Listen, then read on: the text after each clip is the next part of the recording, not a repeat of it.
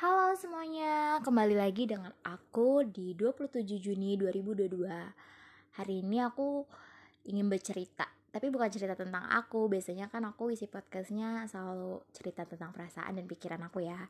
Sekarang ini aku pengen ceritain kisah teman aku. Jadi tuh ini pengalaman dia Dan ditambahin bumbu-bumbu gitu lah Cerita ini tentang cinta sepihak. Buat kalian yang pernah pernah mengalami cinta sepihak ini boleh dong ceritain juga ke aku. Kayak perjuangan kalian tentang cinta-cintaan ini gitu. Ya lagian kan nggak selamanya cinta semulus jalan tol ya. Bahkan jalan tol aja bisa hancur kok. Jadi ya udah. Ya nggak apa-apa. Cinta bisa dibalas cinta alhamdulillah cinta sepihak ya. Ya udah mau gimana? Masa ya harus gue santet kan biar itu cinta balik? Nggak mungkin ntar masuk neraka. Oke kita lanjut cerita ya. 2014 aku bertemu dengan seseorang. Dia anak yang pintar masuk di kelas unggulan.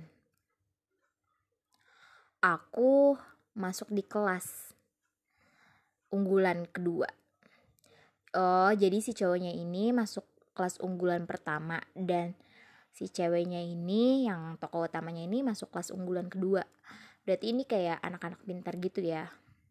Buat kalian yang pernah masuk ke kelas unggulan boleh dong ceritain kayak kelas unggulan tuh kayak belajarnya ngapain aja terus isinya tuh anak-anak pintar yang pintar berduit kah atau yang pintar-pintar uh, cakep-cakep atau gimana kan kayak gue kepo nih gue kan gak pernah masuk kelas unggulan. Boleh dong ya di spill dia anak yang supel hampir semua orang mengenalnya. Bahkan tak jarang orang menunjukkan ketertarikannya. Sudah tidak heran dengan dia yang disukai banyak orang. Yaps apalagi banyak perempuan yang menyukainya sih. Ini tuh kayaknya cowok wet pet able gitu udah pinter terus ganteng. Dia si keras kepala pelit emosian namun ceria dan menyenangkan. Ini tuh kayak karakternya challenging banget gak sih buat para ciwi-ciwi yang kayak ingin menakluk, menaklukkan di cowok?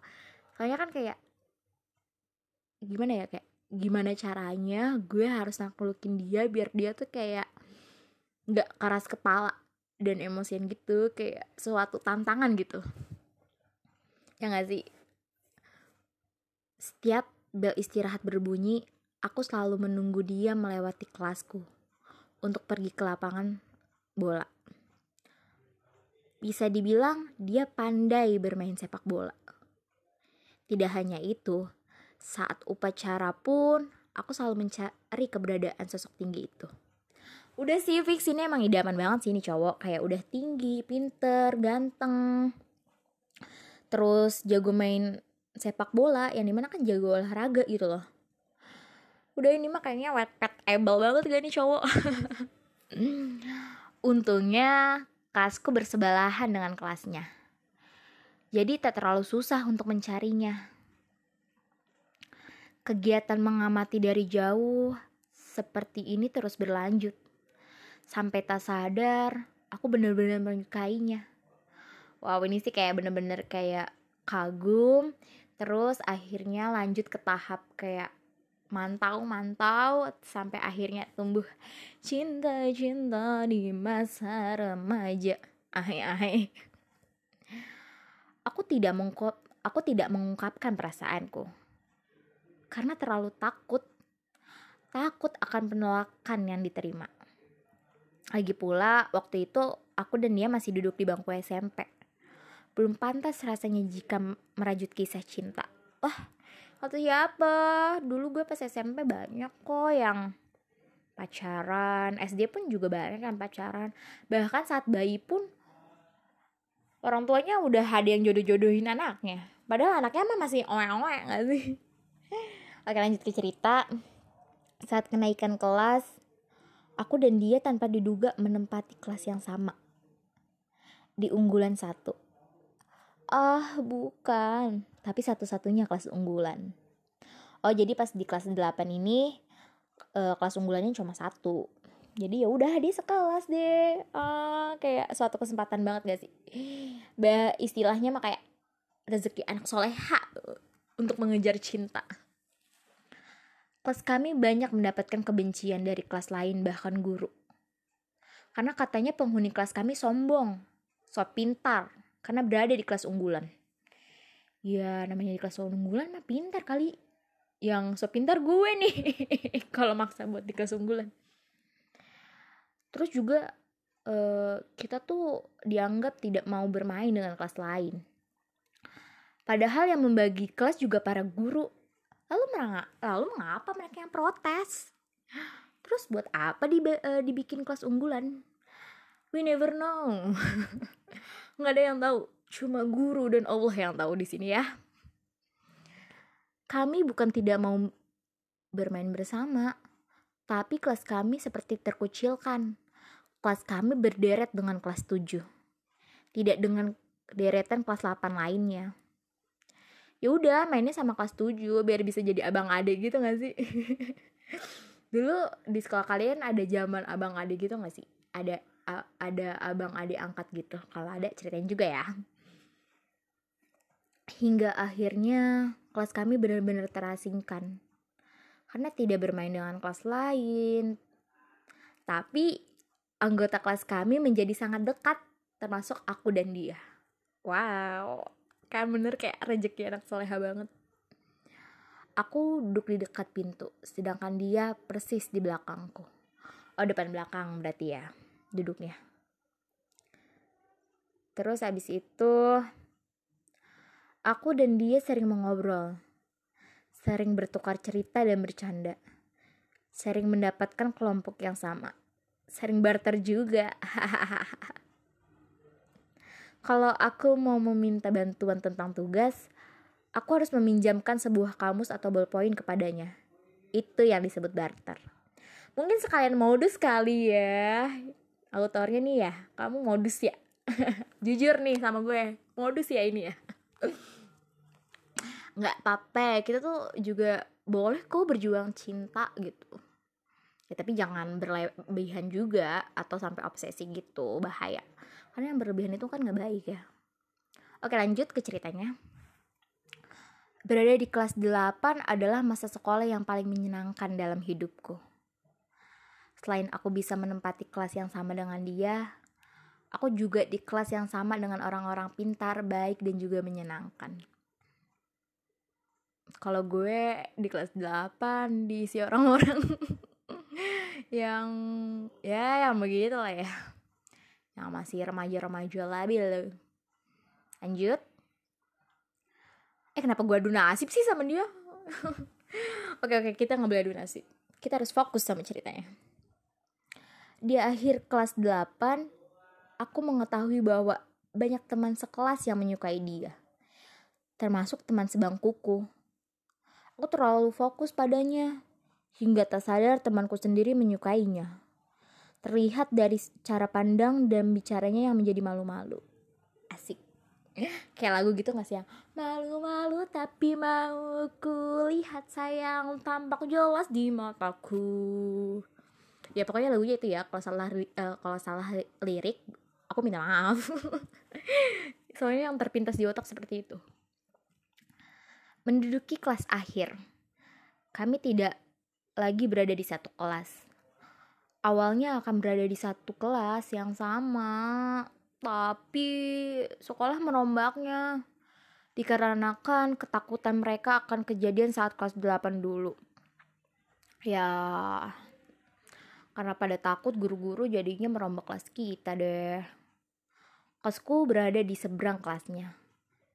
Seperti sebelumnya, aku sering memperhatikan dia dari jauh. Terkadang, aku seperti orang kerasukan yang tersenyum sendirian. Untung saja tidak ada yang menyadari hal itu. Eits, kata siapa? Aku yang baca menyadari nih. tidak banyak momen aku dan dia seperti saat kelas 8 dulu ya udah nggak apa-apa ya setiap makanya setiap waktu tuh harus dihargain gitu gak sih siap sama siapa pun karena kita nggak tahu ke depannya bakal gimana oke lanjut ke ceritanya. Saat perpisahan tiba dia menjadi satu-satunya anak laki-laki yang berdiri di barisan para siswa-siswi berprestasi. Dia masuk dalam 10 besar. Aku melihatnya dari depan panggung. Dia berdiri dengan balutan setelan jas hitam dan kemeja putih. Tak lupa rambut rapi menutupi hampir seluruh dahinya. Menerima sebuah mendali dari seorang guru yang sudah tidak muda lagi. Senyum manis itu terbit ketika kalung biru berbandul emas itu menggantung di lehernya. Senyumnya tak luntur sampai ia duduk kembali di kursi tempatnya. Sangat tampan melihat senyum manis itu. Wow, boleh gak sih spill cowoknya kayak gimana kalau senyum? Gue aja yang baca meleleh nih ya, apalagi lo yang lihat langsung. Aku melanjutkan sekolah di dekat rumah, sedangkan dia awalnya dia melanjutkan di sekolah unggulan di kota dan memilih jurusan IPA. Tapi tadi sangka-sangka dia tidak lolos seleksi di sana akhirnya dia sekolah dengan sekolahku jadi kita satu sekolah gitu loh. Dengan jurusan yang ia inginkan. Iya jurusan IPA tak banyak cerita tentang dia di masa SMA tapi perasaan ini tuh masih ada. Perasaan cinta. Perasaan aku ke dia. Perasaan aku kagum ke dia. Perasaan cinta aku ke dia. Aku berpikir aku akan mudah untuk move on dari dia. Karena aku jarang bertemu dengan dia walaupun satu sekolah. Tak lama, aku meyakinkan diri bahwa aku sudah tak tidak lagi menyukainya.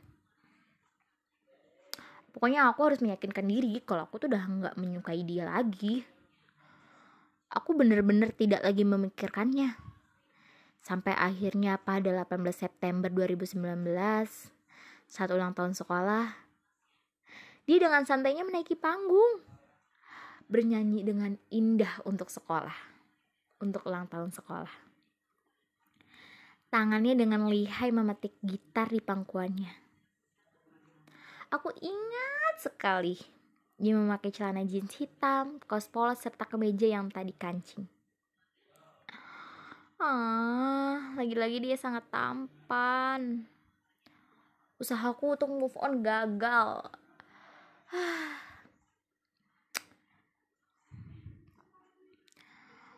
Move onku gagal karena suara dan petikan gitarnya membuat aku luluh kembali. ini rasanya kayak cowok nggak punya dosa ya. Gue udah move on susah payah tapi gagal karena gue harus ngeliat lo yang ganteng dan berdamage ini. Oke lanjut Sejak saat itu entah kenapa aku sering bertemu dengannya, sering ngobrol juga. Aku bimbang antara melanjutkan menyukainya atau tidak. Dan setelah berpikir, aku memilih lanjut untuk menyukainya. Aku sering aku sering mencuri pandang saat olahraga. Dia sering kali menonton kelasku jika sedang pelajaran olahraga. Aku sering pergi ke kantin hanya untuk melihat sosoknya udah ini kayak udah kembali lagi semangat semangat perjuangan cintanya ya kan tadinya kan dia belajar buat move on. Sekarang tuh udah belajar kayak gue harus kejar dia sampai ya sampai nggak tahu kapan ya. Aku bahkan mau-mau saja diajak teman perempuanku untuk mengantarkan ke kelas IPA agar aku bisa melihatnya walau hanya sekilas. Jadi kayak nggak apa-apa deh gue cuma lihat sedetik aja. Yang penting gue lihat dia. Gue lihat sedetik tuh kayak udah seneng rasanya gitu ya. Aduh sama ini tuh kayak cinta-cinta SMA yang cinta-cinta sekolah cinta-cinta ya cinta-cinta masa remaja lah. Kayak kalau bahas cinta remaja tuh kayak lucu gitu gak sih? Mengaguminya diam-diam itu berlanjut hingga pada awal 2020 sahabat perempuanku menunjukkan story salah satu di salah satu media sosial. Mungkin snapgram kali ya. Sahabatku tidak tahu jika aku menyukainya. Di sana terpampang jelas foto seorang perempuan cantik. Tak lupa caption pujian berserta emoticon love. Fix. Fix ini tuh udah bikin potek gak sih? Kayak ah, yang aku kagumi ternyata pacaran sama orang lain. Ya, yang sabar ya. Aku juga sedih kok. Iya, itu akun dia dengan foto pacarnya. Dan mengagetkannya lagi, pacarnya adalah teman satu kelasku. Dan dia adalah perempuan yang bisa dibilang musuhnya waktu itu. Mereka tuh selalu cekcok. Perempuan itu juga dulu dijauhi teman sekelas. Entah apa alasannya. Perempuan itu berbeda sekolah denganku. Oh jadi tuh ini uh, tem pacarnya si cowok ini satu kelasnya tuh pas di SMP dulu ya. Dari situ aku bener-bener berhenti. Lebih tepatnya terpaksa berhenti menyukainya. Untungnya setelah hari itu aku tidak lagi bertemu dengan dia. Angkatanku juga tidak acara perpisahan. Jadi aku tidak harus melihatnya berpenampilan tampan seperti SMP dulu nyesek juga ya ceritanya. Tapi ya udahlah ya mau gimana lagi? Semoga uh, penulis ini mendapatkan cinta yang lebih baik ya daripada cowok itu. Atau mungkin oke okay, pas pacaran lo nggak jadi pacarnya tapi mungkin jadi suami. Amin. Dan hikmah dari cerita ini adalah kalau lo suka sama cowok lo mendingan jadi musuh deh biar jadi cinta atau bisa jadi pacar. Oke sekian dulu da dari cerita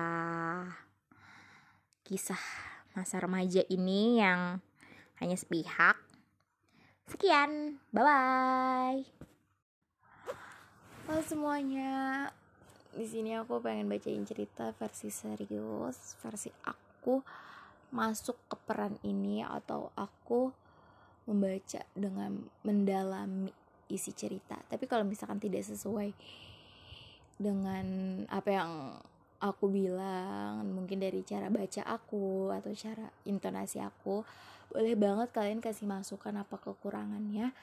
Itu bukan hal yang buruk tapi itu hal yang baik buat aku ke depannya untuk mengevaluasi diri jadi lebih baik dan ya bisa memperbaiki juga.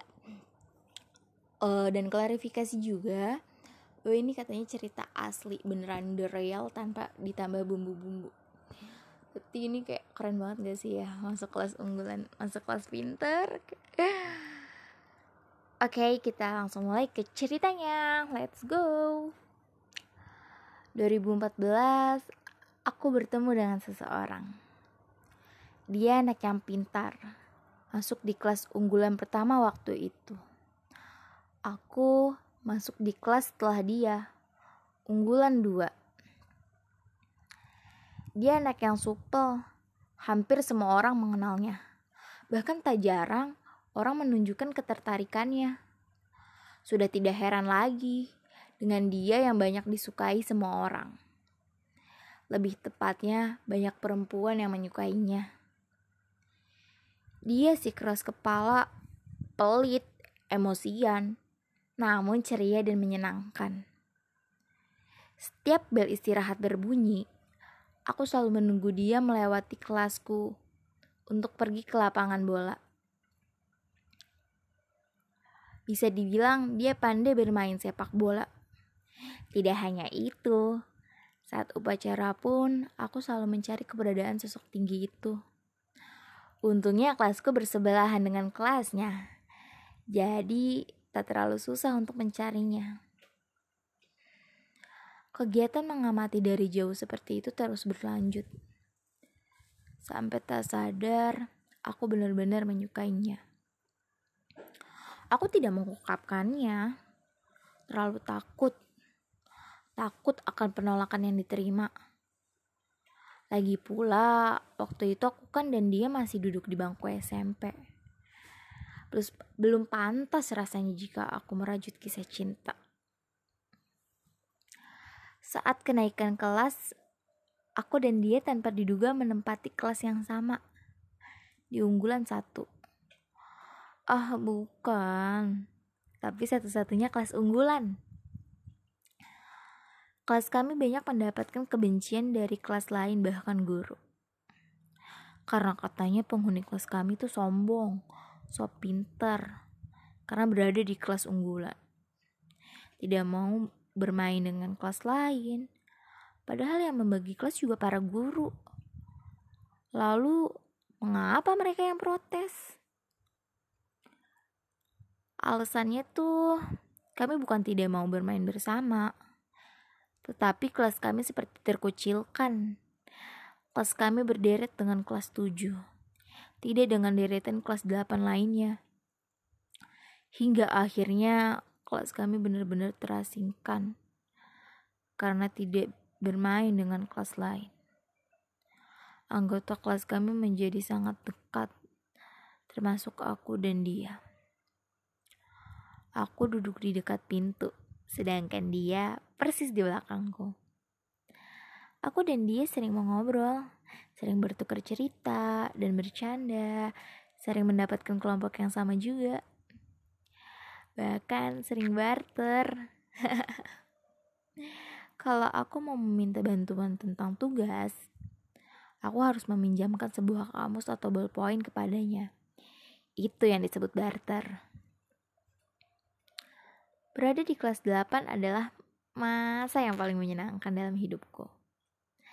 Selain aku bisa menempati kelas yang sama dengan dia, aku juga di kelas aku juga bisa berkenalan dengan orang-orang yang pintar, baik, dan menyenangkan. Pokoknya kelas 8 itu is the best deh buat aku. Di, di akhir kelas 8, iya, saat kenaikan ke kelas 9, aku mengetahui bahwa banyak teman sekelas yang menyukai dia. Termasuk teman sebangkuku. Aku terlalu fokus padanya, hingga tak sadar temanku sendiri menyukainya. Terlihat dari cara pandang dan bicaranya yang malu-malu. Menduduki kelas akhir, kami tidak lagi berada di satu kelas. Awalnya akan berada di satu kelas, tapi sekolah merombaknya dikarenakan takut. Ketakutan mereka akan kejadian saat kelas 8 dulu. Kelasku berada di seberang kelasnya. Seperti sebelumnya, aku sering memperhatikan dia dari jauh. Terkadang aku seperti orang kerasukan yang tersenyum sendirian, memikirkan dia juga. Ah, untung saja tidak ada orang yang menyadari hal ini. Kalau sadar, mungkin aku bisa dianggap gila. Tidak banyak momen aku dan dia seperti saat kelas 8 dulu sekarang ini. Saat perpisahan tiba, dia menjadi satu-satunya anak laki-laki yang berdiri di barisan para siswa-siswi berprestasi. Dia masuk dalam 10 besar. Aku melihatnya di depan panggung. Dia berdiri dengan balutan setelan jas hitam dan kemeja putih, tak lupa rambut rapi menutupi hampir seluruh dahinya menerima sebuah medali dari seorang guru yang sudah tidak muda lagi. Senyumnya itu, senyum manis itu, terbit ketika kalung biru berbandul emas itu menggantung di lehernya. Senyumnya tak luntur sampai ia duduk kembali di tempat kursinya. Senyum manisnya itu, ah, dia sangat tampan sekali sungguh tampan. Aku melanjutkan sekolah di dekat rumah, sedangkan dia awalnya dia melanjutkan di sekolah unggulan dan mengambil jurusan IPA. Tadi sangka dia tidak lolos seleksi. Akhirnya dia sekolah di tempat yang sama denganku dengan jurusan yang ia inginkan. Iya, masuk jurusan IPA. tak banyak cerita tentang dia di masa SMA. Tapi perasaan ini tuh masih ada. Perasaan kagum, perasaan cinta. Aku berpikir aku akan mudah untuk move on dari dia karena aku jarang bertemu dengan dia. Jadi mungkin bagiku aku gampang melupakan dia karena nggak ada interaksi sesering itu seperti SMP. Tak lama dari ini, aku meyakinkan diri bahwa aku sudah tidak lagi menyukainya. Aku benar-benar tidak lagi memikirkannya. Tapi sampai pada akhirnya, pada 18 September 2019, saat ulang tahun sekolah, dia dengan santainya menaiki panggung, bernyanyi dengan indah khusus untuk sekolah. Berpenampilan untuk ulang tahun sekolah. Tangannya dengan lihai memitik gitar di pangkuannya. Aku ingat, ingat sekali. Dia memakai celana jeans hitam, kaos polos, serta kemeja yang tadi kancing. Oh, lagi-lagi dia sangat tampan. Usahaku untuk move on darinya gagal. Gagal karena penampilan dia yang berdamage ini. Dan karena suara dan petikan gitarnya. Sejak saat itu, entah kenapa aku sering bertemu dengannya. Sering mengobrol juga. Aku bimbang aku bimbang antara melanjutkan menyukainya atau tidak. Dan setelah berpikir, berpikir lebih lanjut, berpikir berpikir, aku memutuskan untuk melanjutkan mencintainya. Aku sering mencuri pandang saat olahraga. Dia sering kali menonton kelasku jika sedang pelajaran olahraga. Aku jadi sering pergi ke kantin hanya untuk melihat sosoknya. Aku bahkan mau-mau saja diajak teman perempuanku untuk mengantarkan ke kelas IPA agar bisa melihatnya walau hanya sekilas. Mengaguminya diam-diam ini berlanjut hingga awal 2020. Sampai suatu ketika sahabat perempuanku menunjukkan story salah satu media sosial. Oh iya, sahabatku ini tidak tahu jika aku menyukainya. Di sana terpampang jelas foto seorang perempuan cantik, tak lupa dengan caption pujian berserta emoticon love. Itu akun dia dengan foto pacarnya. Dan mengagetkannya, pacarnya adalah teman kelasku dulu saat SMP. Perempuan itu bisa dibilang musuhnya. Mereka selalu cekcok. Perempuan itu juga dulu dijauhi teman sekelas Entah apa alasannya. Aku juga tidak tahu alasannya. Perempuan itu berbeda sekolah denganku dan dia saat ini. Dari situ aku benar-benar berhenti. Tidak, lebih tepatnya berhenti. Terpaksa menyukainya. Dan untungnya setelah hari itu aku tidak lagi bertemu dengan dia angkatanku juga tidak ada acara perpisahan. Jadi aku tidak harus melihatnya berpenampilan tampan seperti SMP dulu. Inilah adalah awal cerita dari kisah cinta sepihak. Terima kasih.